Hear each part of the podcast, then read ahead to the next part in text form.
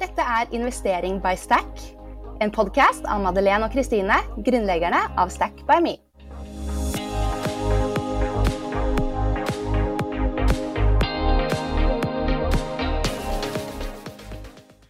Podkasten er sponset av 247 Office, som er favorittregnskapssystemet vårt. Hallo! Hyggelig at du tuner inn her på Investering by Stack. Jeg er Kristine, og i denne podkasten snakker vi om penger og investering, som er våre favorittemaer. Vi har hatt noen fondsforvaltere innom her i noen tidligere episoder, og vi har fått masse tilbakemeldinger på at det er gøy å høre om hvordan de som forvalter disse fondene, jobber. Eh, så i dag så skal det bli enda mer forvaltningssnakk, for jeg har med meg Tiril Støle, som er forvalter i Storebrand Asset Management. Hun er siviløkonom fra NHH, hvor hun var aktiv i flere styrer. Deretter så fikk hun fast stilling som aksjeanalytiker i Sparebank1 Markets før hun deretter fikk eh, jobb i eh, Storebrand Asset Management. Og det som er veldig kult, er at Tiril ble kåret til verdens råeste finanskvinne i en konkurranse med 1500 økonomistudenter fra 15 land i 2019. Så dette må vi snakke mer om, men velkommen hit, Tiril. Tusen takk. Takk for at jeg får lov å være her. Ja, altså jeg er beæret. Verdens råeste finanskvinne. det er veldig, veldig kult. Kan ikke du eh, starte med å bare fortelle litt om eh, hvem du er, da? Ja, absolutt. Eh, jeg heter jo Tiril. Jeg eh, er 27 år. Jeg er fra Oslo. Du har jo vært innom litt. Jeg har studert på NHH i fem år. Eh, er interessert i aksjer, åpenbart. Eh, også interessert i å gå på tur i fjellet og være sosial og, og andre ting. Ikke sant? Og ja, eh, vi skal komme masse tilbake til måte, hva du gjør på jobb og alt dette, for det er kjempe, kjempegøy. Men eh, jeg tenkte la oss starte litt med måte å snakke om deg. Da. Hvordan var det denne eh, aksjeinteressen startet. For eh, jeg pleier ofte å liksom spørre eh, folk i finans da, hvordan man har kommet inn og har liksom vært naturlig. Er liksom familiedrevet og sånn, eller har man, hvordan har den veien blitt til? Og akkurat når det gjelder deg, så føler jeg det er litt sånn spesiell historie bak her også. eh, ja, man kan jo nok si at eh, det er litt familie. Jeg har jo to foreldre som er siviløkonomer. Eh, og jeg fikk jo aksjer til dåpen min, så jeg har jo alltid hatt et slags forhold til hva aksjer er. Selv om de, de første 15 årene så var det vel bare gjennom at eh, jeg fikk et, en utskrift hvert år hvor det sto at jeg hadde fått noe utbytte. Og det var jo penger rett inn på konto. Så det var jo helt supert, uten at jeg kanskje tenkte så veldig mye mer på det. Ehm, men etter hvert så ble det ene av de selskapene jeg hadde fått aksjer i til dåpen, kjøpt opp. Det var et selskap som het Riber.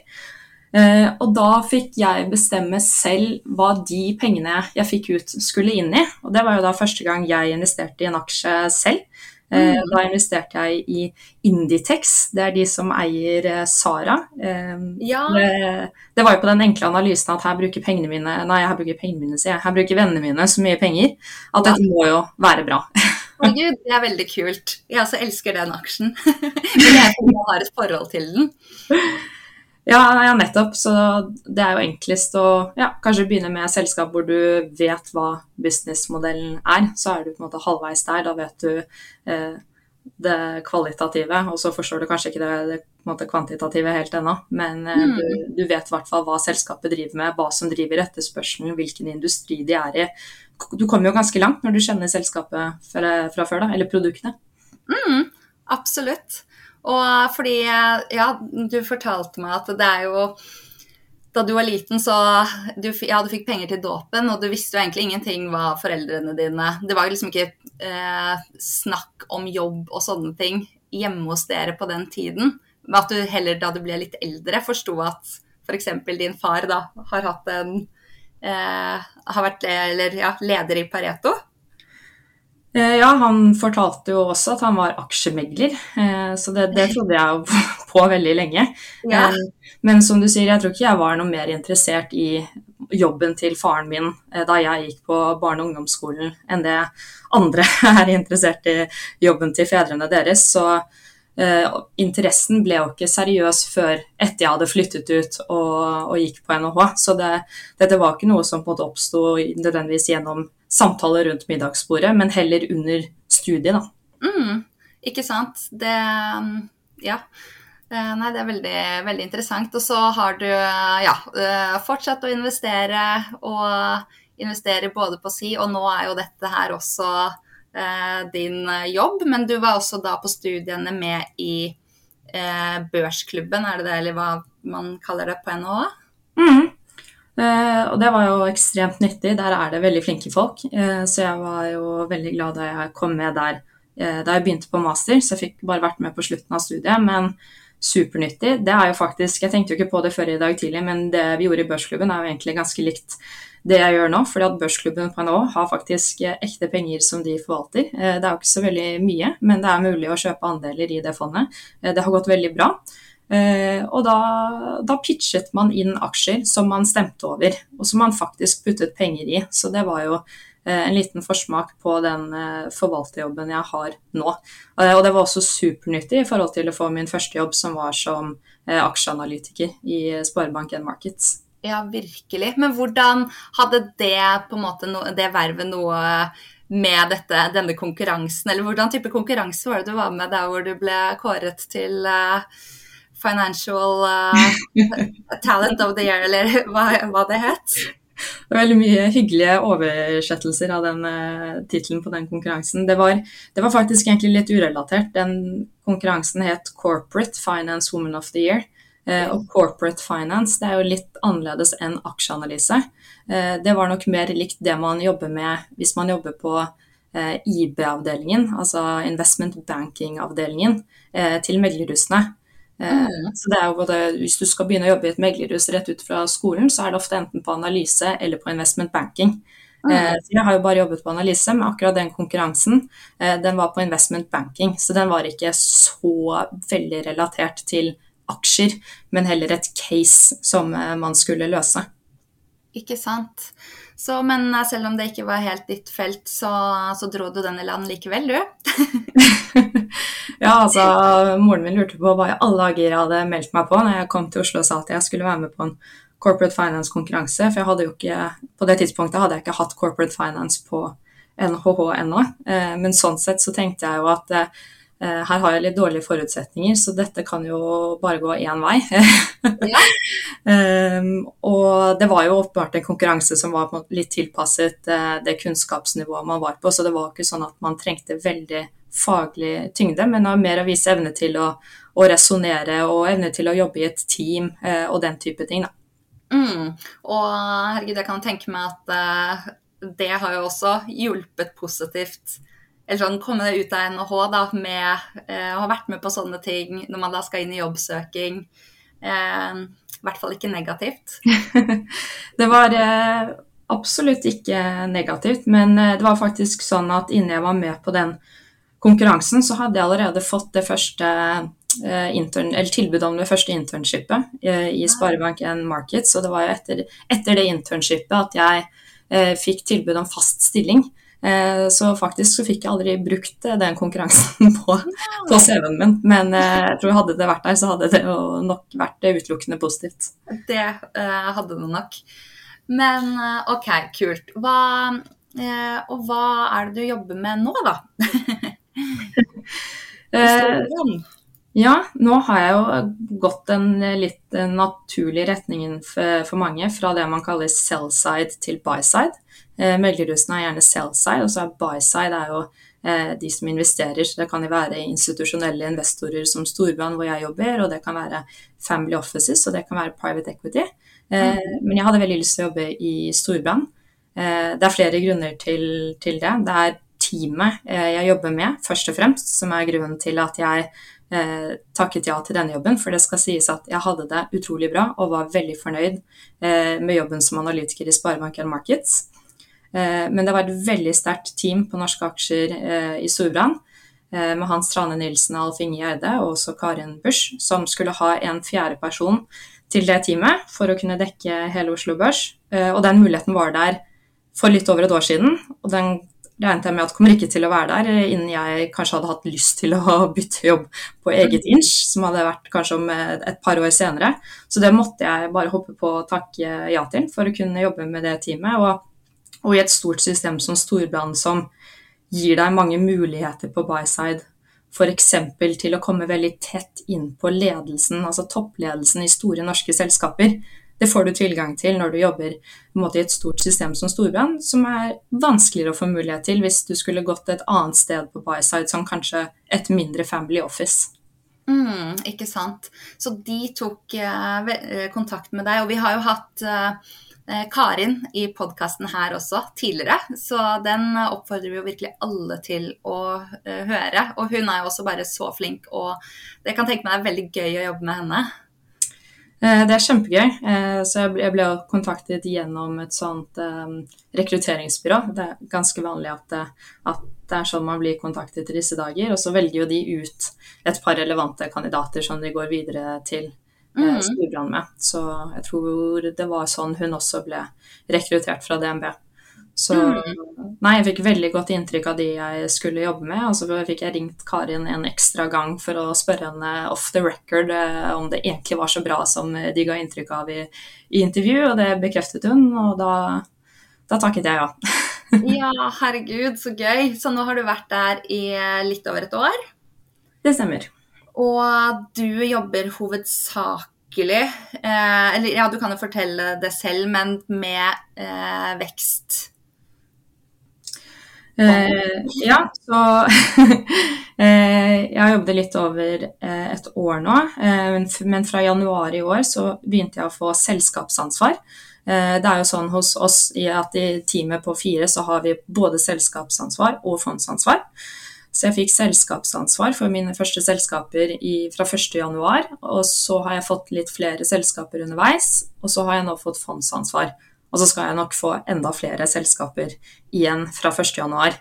Eh, for sånn det er hos oss, er at du er ansvarlig for eh, selskaper og skal ha god kontroll på de. Og så er det sånn at den posisjonen du vil at vi skal ha i de selskapene, eller i de aksjene, det eh, blir førende for alle fondene våre. Fordi at vi fire forvalter seks forskjellige fond. Vekstfondet som jeg er ansvarlig for, er bare ett av disse.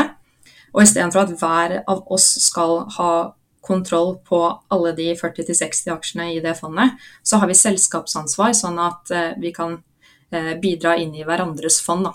Mm, og hvor mange selskaper har du nå? Eh, nå har jeg rundt jeg vil si rundt ti selskaper. Jeg har fått eiendomsselskapene og entreprenører. Og så har jeg fått eh, litt av tech-sektoren, og så får jeg resten av tech-sektoren fra 1.1. Eh, og så får vi se om vi skal fordele enda litt mer. Eh, for det er fortsatt sånn at noen av de kollegaene mine som har jobbet lenge, har veldig mange selskaper som, som står på seg. da. Ikke sant. Hvordan Er det noen eh, kule selskaper som vi har hørt om? Ja, det, det, kan nok hende. Altså, blant eiendomsselskapene så er det jo Entra og Olav Thon, ja. som eier mange kjøpesentre, bl.a. Sandvika Storsenter. Eh, og så er det entreprenører, AF-gruppen og Veidekke. Og så er det tech-selskaper. Da er det litt konsulenter slash resellers. Så jeg har Bouvet og Crayon eh, og Athea. Eh, og så fra 1.1 så blir det enda mer tech. Da blir det litt mer hardware-selskapene. Så da skal vi få på Nordic Semiconductor og Kitron bl.a. Så det blir jo veldig spennende. Og da sitter du liksom og følger disse Du dykker da helt ned i uh, alt. Og her kan du vel da ta med deg masse uh, av learningen din fra uh, analytikerjobben også?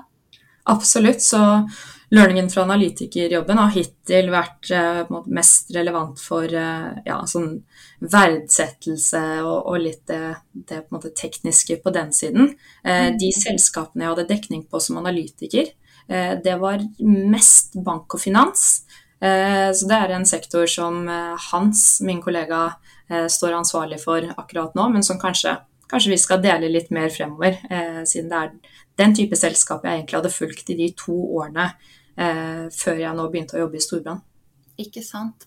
Men hvordan er det du liksom eh, Men ser dere også på nye aksjer hele tiden? Eller, eller selskaper? Eller ja, altså det er jo selskap vi, vi, blir jo målt mot en indeks, stort, eh, stort sett OCBX.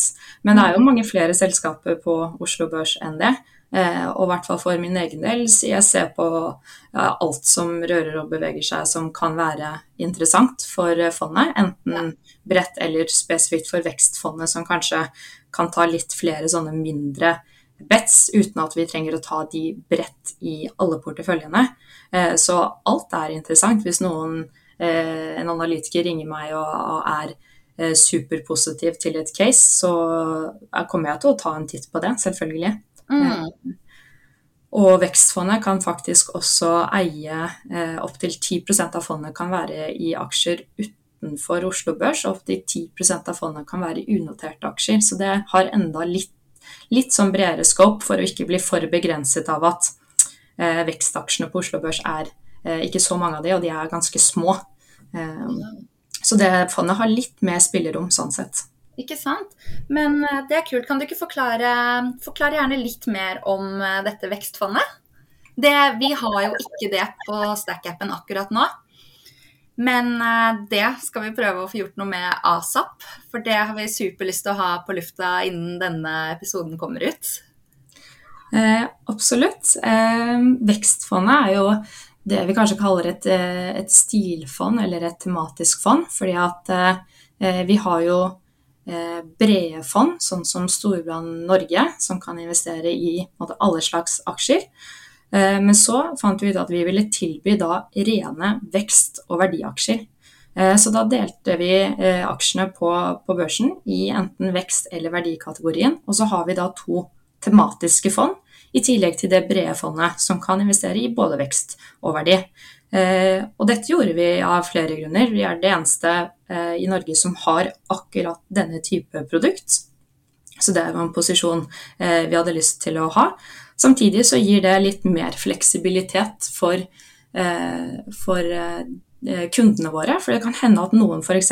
har mer tro på vekstselskaper i en periode, eller mer tro på verdiselskaper i en periode, og har lyst til å da tilte seg mer i den retningen.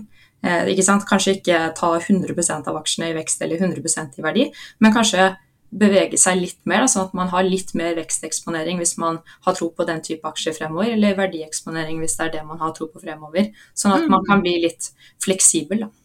Men hva, ok, For å bare ta sånn steget skikkelig tilbake, da, hva er eh, forskjellen på vekst og verdi?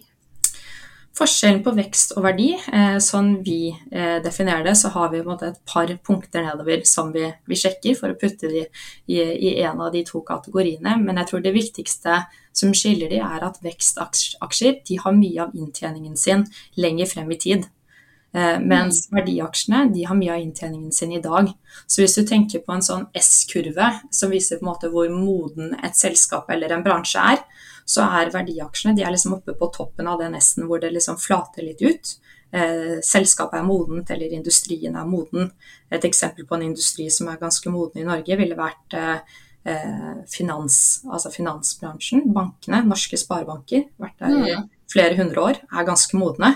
Det er ikke nå veksten skal akselerere for de fleste av de. Mens verdi, vekstselskapene de er mer sånn midt på S-en, der det går bratt oppover.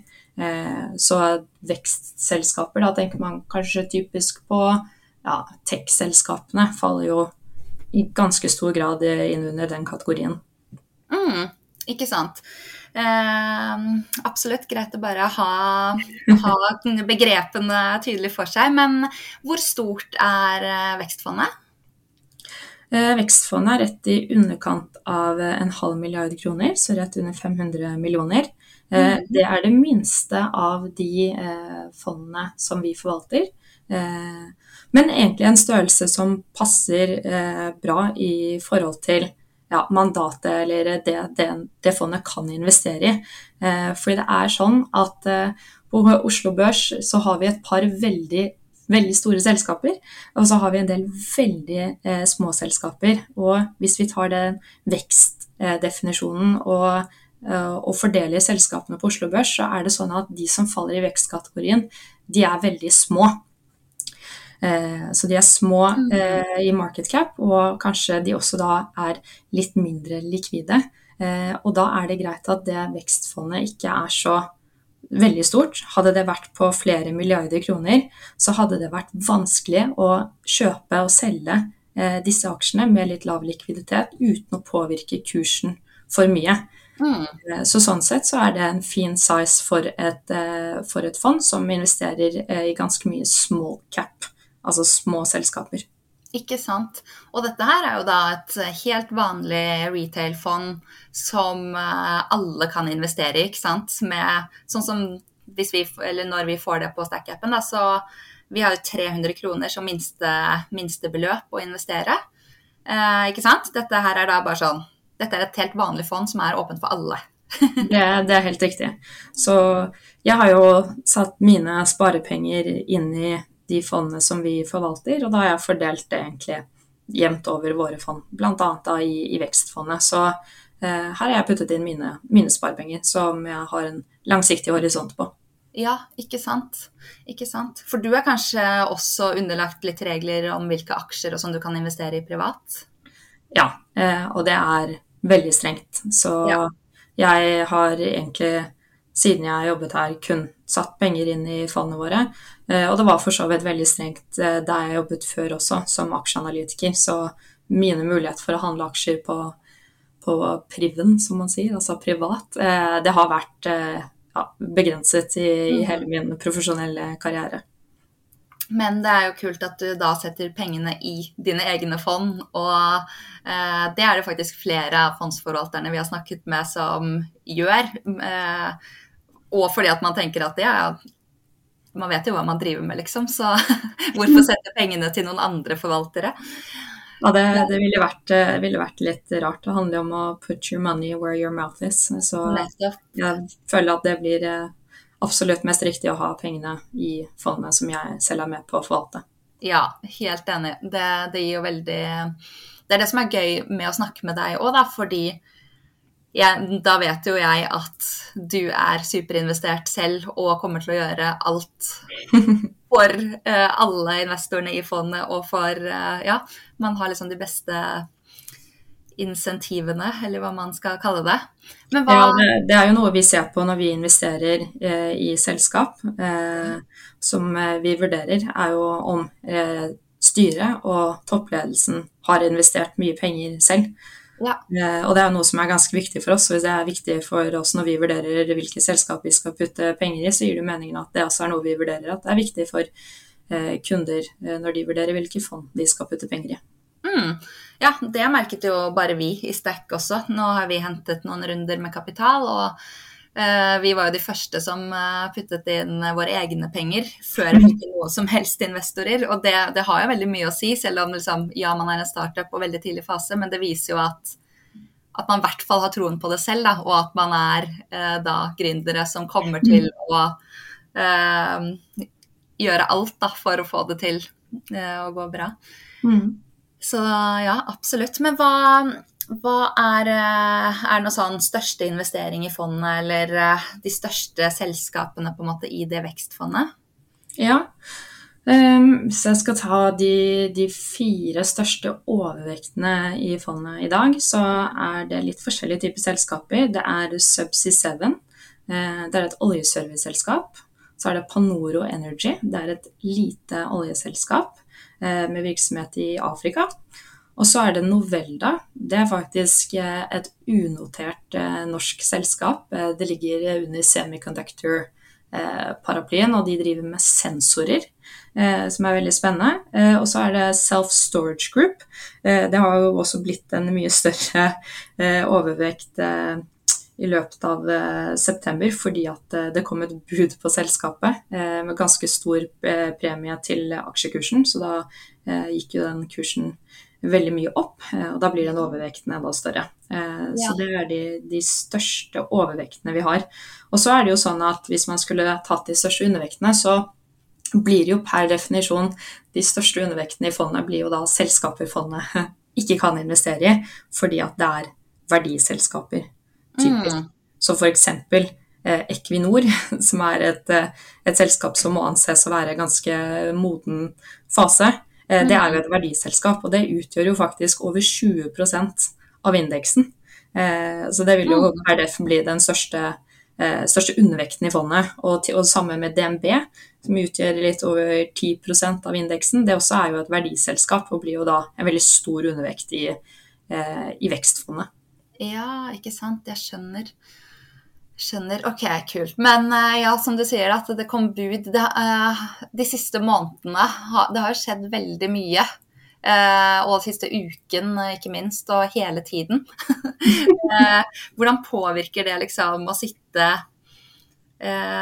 sitte som forvalter nå i disse man, Ja, nå som det skjer så mye? Nei, det, det, er jo det som gjør jobben spennende. det at det kom et bud på dette self-storage group, det er jo et interessant poeng å ta i seg selv. fordi at det kan jo være en av mange grunner til at noen f.eks. vil ha høyere eksponering mot nettopp vekstselskaper. fordi at de har jo i enda høyere grad eh, enn verdiselskaper, mest pga. størrelsen sin, potensial for å bli kjøpt opp. Eh, og når de selskapene blir kjøpt opp, når du skal kjøpe et helt selskap, så må du betale en del mer enn eh, aksjekursen på det tidspunktet, fordi at du betaler det man kaller en kontrollpremie. Du må betale litt for å få kontroll over hele selskapet. Mm. Uh, og det er jo noe vi har sett i, i høyeste grad den siste tiden. Det begynte jo av blant de større med Kahoot i sommer, som det kom et bud på. Og så bare i løpet av september, første måneden jeg er inne som co-forvalter i Vekstfondet, så kom det jo bud på to av selskapene som fondet var overvektet i. Og det mm. kommer nok snart et bud på det tredje. Så det kom jo bud på Self Storage Group. Det var over 70% over børskursen. Så Eh, så det var jo en, en, god pris. Og så kom det bud på og Da faller det på en måte bare rett i fanget på dere, eller hadde dere visst dette lenge? Akkurat det budet på Self Storage Group var nok eh, blant de mer eh, overraskende. For mm. Self Storage Group de driver med eh, utleie av eh, sånne self storage-bokser. som man har kanskje sett de rundt i Oslo. Så det faller jo på et vis inn under måte, eiendomssegmentet. Eh, mm. og eiendom og næringseiendom er jo en, en litt utfordrende eh, eh, industri, både i Norge og Sverige i disse dager, hvor det er liksom lav likviditet og kjøper og selger er ganske langt unna hverandre. Så det er kanskje ikke der eh, og akkurat i det selskapet at vi hadde sett for oss at det kom et bud først. Men når det kommer til en, en god pris, eh, så vi, godkjente vi det budet. Mm. Eh, og et annet selskap det kom bud på, det var Q-Free. Og så var det jo Kahoot i sommer, ja. Og så er det veldig mye rykter om at det kommer et bud på Adevinta. Så da gikk jo også aksjekursen mye bare på, på det ryktet. Så får vi se om mm. det kommer et bud i nærmeste fremtid. Så det gir jo stor kursoppgang i, i vekstaksjene, og var veldig positivt for, eh, for vekstfondet i september. Det gjorde at eh, fondet hadde over 3 eh, avkastning i september, til tross for at egentlig vekstaksjene i indeksen var flate. Så da, da fikk vi eh, god performance fordi vi var overvektet i selskap det kom eh, bud på. Ja, Og det var din første måned? Det var min første måned, men skal ikke jeg ta æren for eh, posisjonene som allerede var i fondet da jeg overtok, men absolutt hyggelig. En gang du kommer inn, vet du, så men eh, det var jo hyggelig med en god start. Men sånn on another note så syns jeg også at eh, det er trist at eh, investeringsuniverset krymper. Disse aksjene blir jo tatt av børs. Mm. Eh, da blir det jo færre aksjer å velge mellom. Så får vi håpe at eh, det kommer noen nye aksjer på børs fremover. Det er jo i hvert fall et par selskaper som har sagt at uh, de sikter mot børs før året er omme. Så mm. det vil jo være eksempler på nye selskaper vi ser på. Det er jo alltid noen som som har lyst til å komme på børs. Ikke sant. Det, det er det jo alltid. Og um, ja, hva med liksom rentene, uroligheter i Midtøsten, sånne ting, da? Hvordan påvirker det nå? Nei, det, jeg skulle jo, som jeg sa, jeg skulle jo tenke litt på hva, hva, man kunne snakke om nylig som har skjedd eh, i markedet. For jeg begynte å tenke på det i slutten av forrige uke og frem til i dag, så har det, så har det skjedd veldig mye. Eh, mm. I slutten av forrige uke, så det var jo da fredag, første fredag i oktober, så ble jo statsbudsjettet lagt frem. Det er jo noe som kan få effekt på aksjemarkedet. Det, det kan få effekt på hele aksjemarkedet gjennom at statsbudsjettet påvirker renteforventningene. Eh, men det statsbudsjettet som ble lagt frem nå, det var nøytralt i forhold til den pengebruken Norges Bank har liksom antatt. Eh, og sånn sett var det liksom nøytralt i forhold til renteforventningene. Så sånn, det fikk ikke noen stor effekt. Det ble ikke et stort event for, for Oslo Børs som helhet. Men det var noen deler av budsjettet som påvirket enkelte sektorer og enkelte selskap. Som f.eks. at CO2-kompensasjonen ble noe lavere. Og det var jo da negativt for en del industriselskaper som Norske Skog og Elkem. Eh, mm.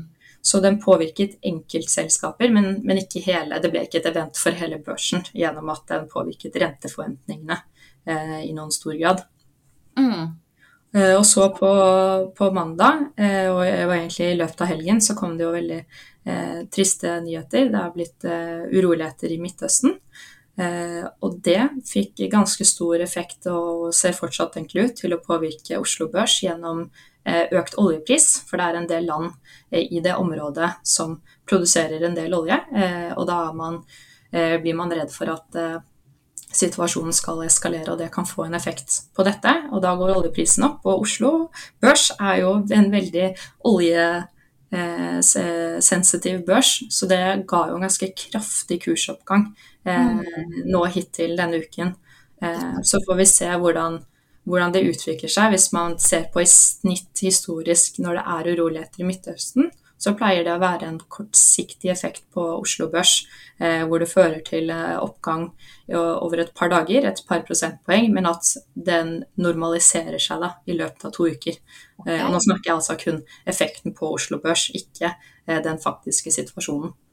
Fordi, ja, ikke sant. Men fordi da Ukraina-krigen brøt ut, så ble det jo også eh, voldsom økning i oljepris og, eh, og, og, på en måte at Oslo Børs gjorde det bra, da. Ja. Gikk opp. Um, men ja, så nå da tror man kanskje heller at det stabiliserer seg raskere ned igjen. Fordi har, det er vel blitt sagt også at uh, oljeprisen er veldig høy nå, har vært det over lang tid. Uh, men tror man nå at den vil øke ytterligere uh, med liksom all informasjonen man har om den nye krigen nå? Eh, har, nå har ikke jeg noe veldig seigt syn på, på, oljeprisen, men jeg tror at effekten av, av, eh, det som skjer i Midtøsten, eh, forventes å være midlertidig. Og så er det selvfølgelig veldig store utfallsrom, eh, og helt avhengig av hvordan det eskalerer og hvordan, eh, hvordan det utvikler seg fremover. Men ja, nei, herlighet. Det, det påvirker jo så klart det dere sitter med. Mm. Og så av, av siste måte, nyheter å trekke frem, så kom det jo nye inflasjonstall i eh, går, på tirsdag. Eh, de var eh, overraskende lave. Altså at selve inflasjonen falt ganske mye. Det var nok drevet av eh, mye av strømprisene, som er mye lavere eh, i år enn de var i fjor. Men så også at kjerneinflasjonen kom en del ned. Eh, og det tyder jo på at de rentehevingene vi har hatt, begynner å virke. Eh, og da blir man litt mer usikker på eh, om man trenger den rentehevingen man forventet i desember. Mm. Kanskje det holder med de, de, vi har hatt. og det eh, At renten ikke skal mer opp, det har jo en tendens til å ha en positiv effekt på aksjemarkedet. Så det kan jo også ha vært noe av forklaringen til, til sterk børsutvikling også i går. Mm. Ja, ikke sant.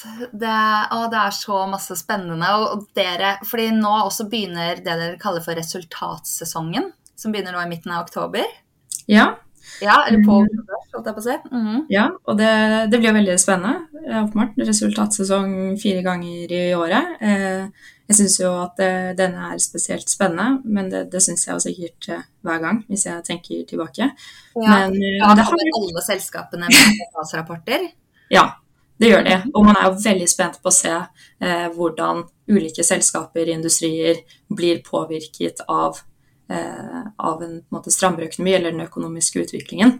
Mm. Eh, og det som har kanskje vært litt overraskende, eh, er at i forkant av eh, tredje kvartalsrapporteringssesongen, eh, som vi, ennå, vi har ennå litt tid, da, men da, da pleier det å være eh, en del profit warnings fra selskapene.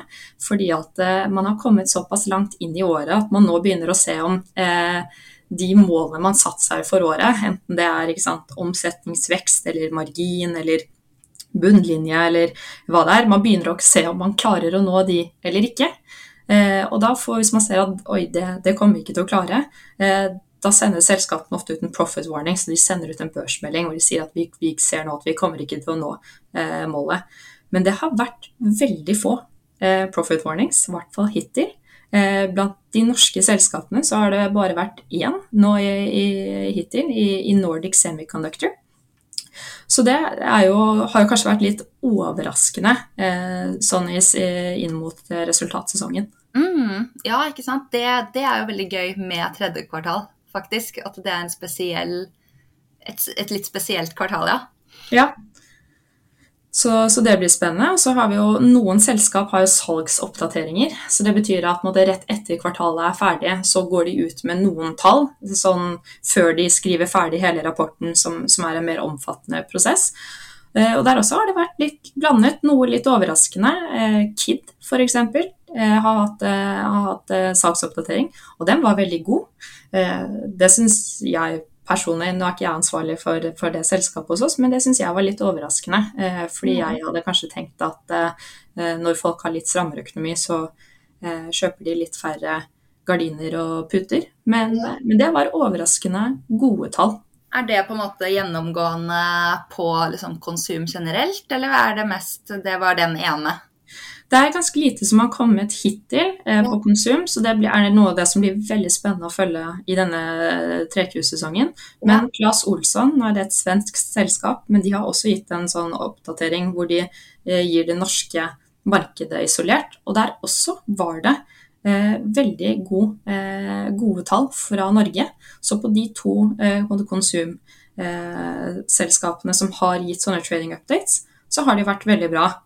Mm. Eh, mens andre selskap som også er eh, eksponert mot, eh, mot privatpersoner, eh, sånn som Selvåg, som produserer leiligheter, der har det kanskje ikke så overraskende vært eh, litt lavere enn ventet, og, og, lave tall isolert sett. Det er ikke så veldig mange som eh, i disse dager tør å kjøpe en leilighet, eller kommentere til å kjøpe en leilighet som de overtar flere år frem i tid. Så nybyggebransjen, bolig, nybygg Ja. Der er det jo ganske utfordrende tider, rett og slett. Ikke sant. Uh, ja, virkelig. Og hvordan uh, på en måte ser dere på Oslo, eller prisningen på Oslo Børs uh, nå, da, i forhold til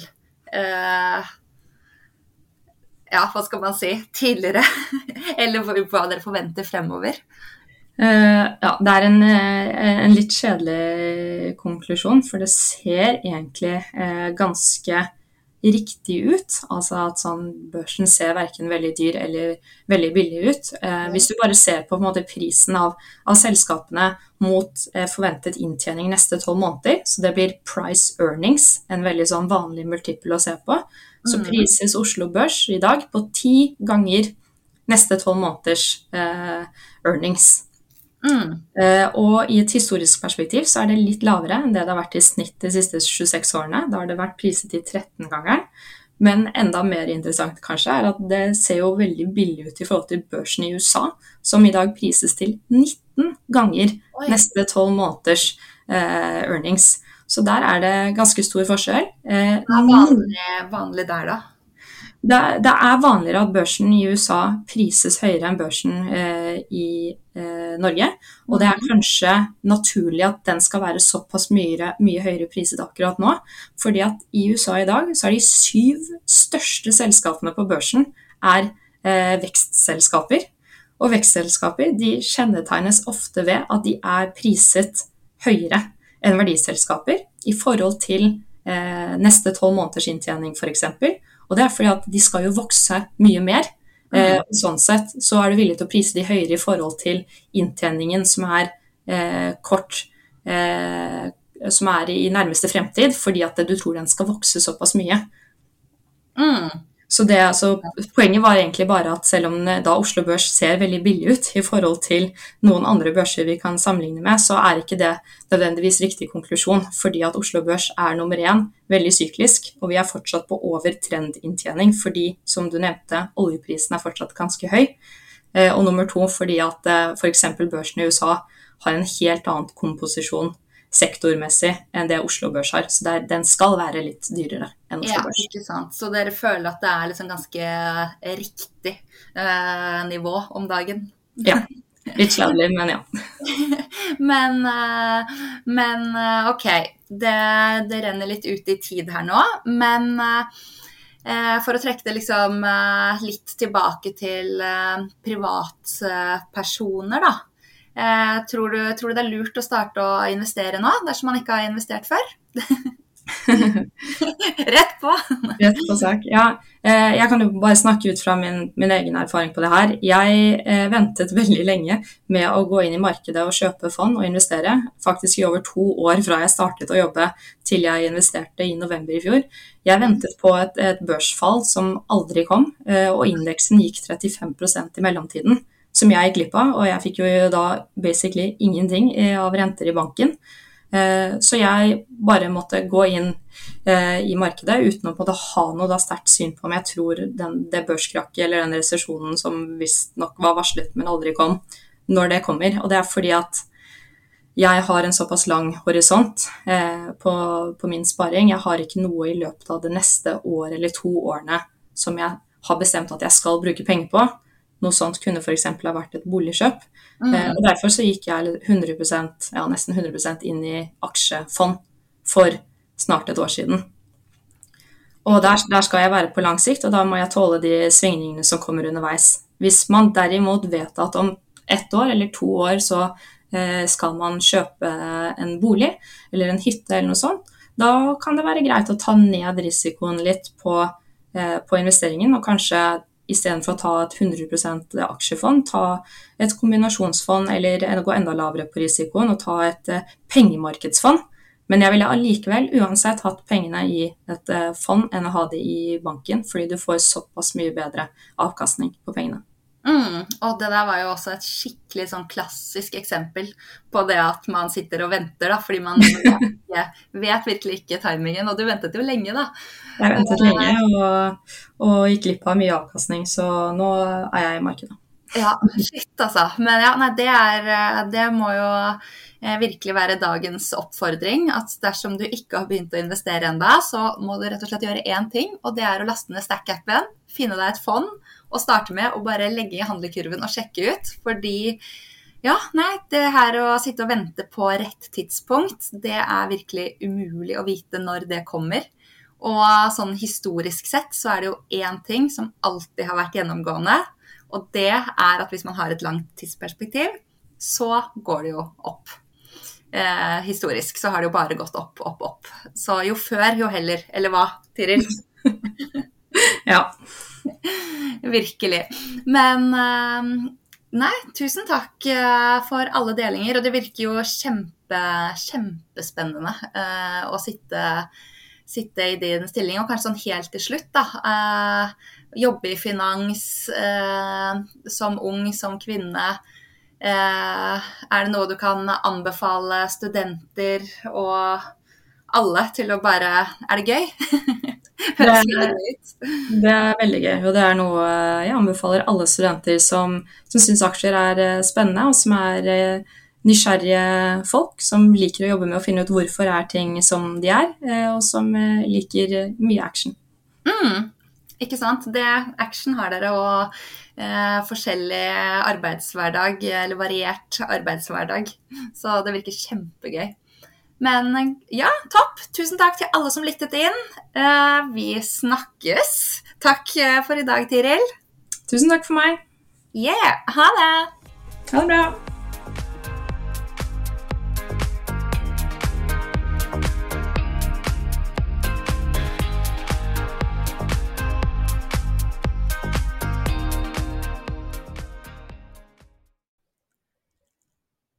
Det må sies at denne podkasten må anses som markedsføringsmateriell, og innholdet er aldri en investeringsanbefaling.